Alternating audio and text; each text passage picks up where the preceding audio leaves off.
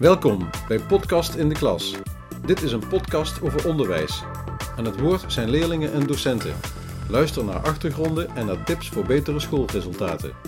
Ik ben Roberto Cristofori.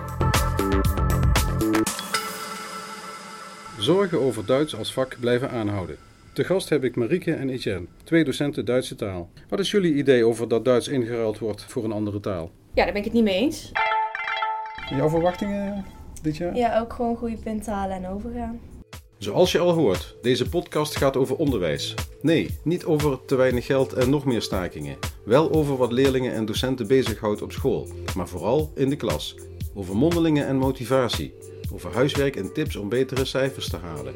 Over verwachtingen en allerlei lopende zaken die je op een school zoal tegenkomt.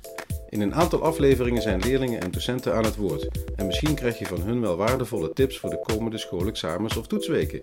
Ook de actualiteit mag in een podcast niet ontbreken. We gaan het allemaal wel zien. Of beter gezegd, horen. Want dit is een podcast.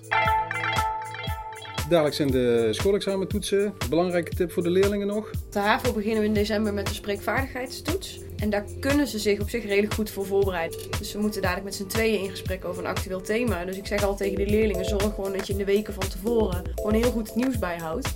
Ben je benieuwd naar meer antwoorden en tips? Absoluut niet stoppen met huiswerk maken. Wil je weten wat iedereen nog meer te zeggen heeft? Luister dan naar de eerste aflevering en abonneer je alvast op deze podcast in de klas.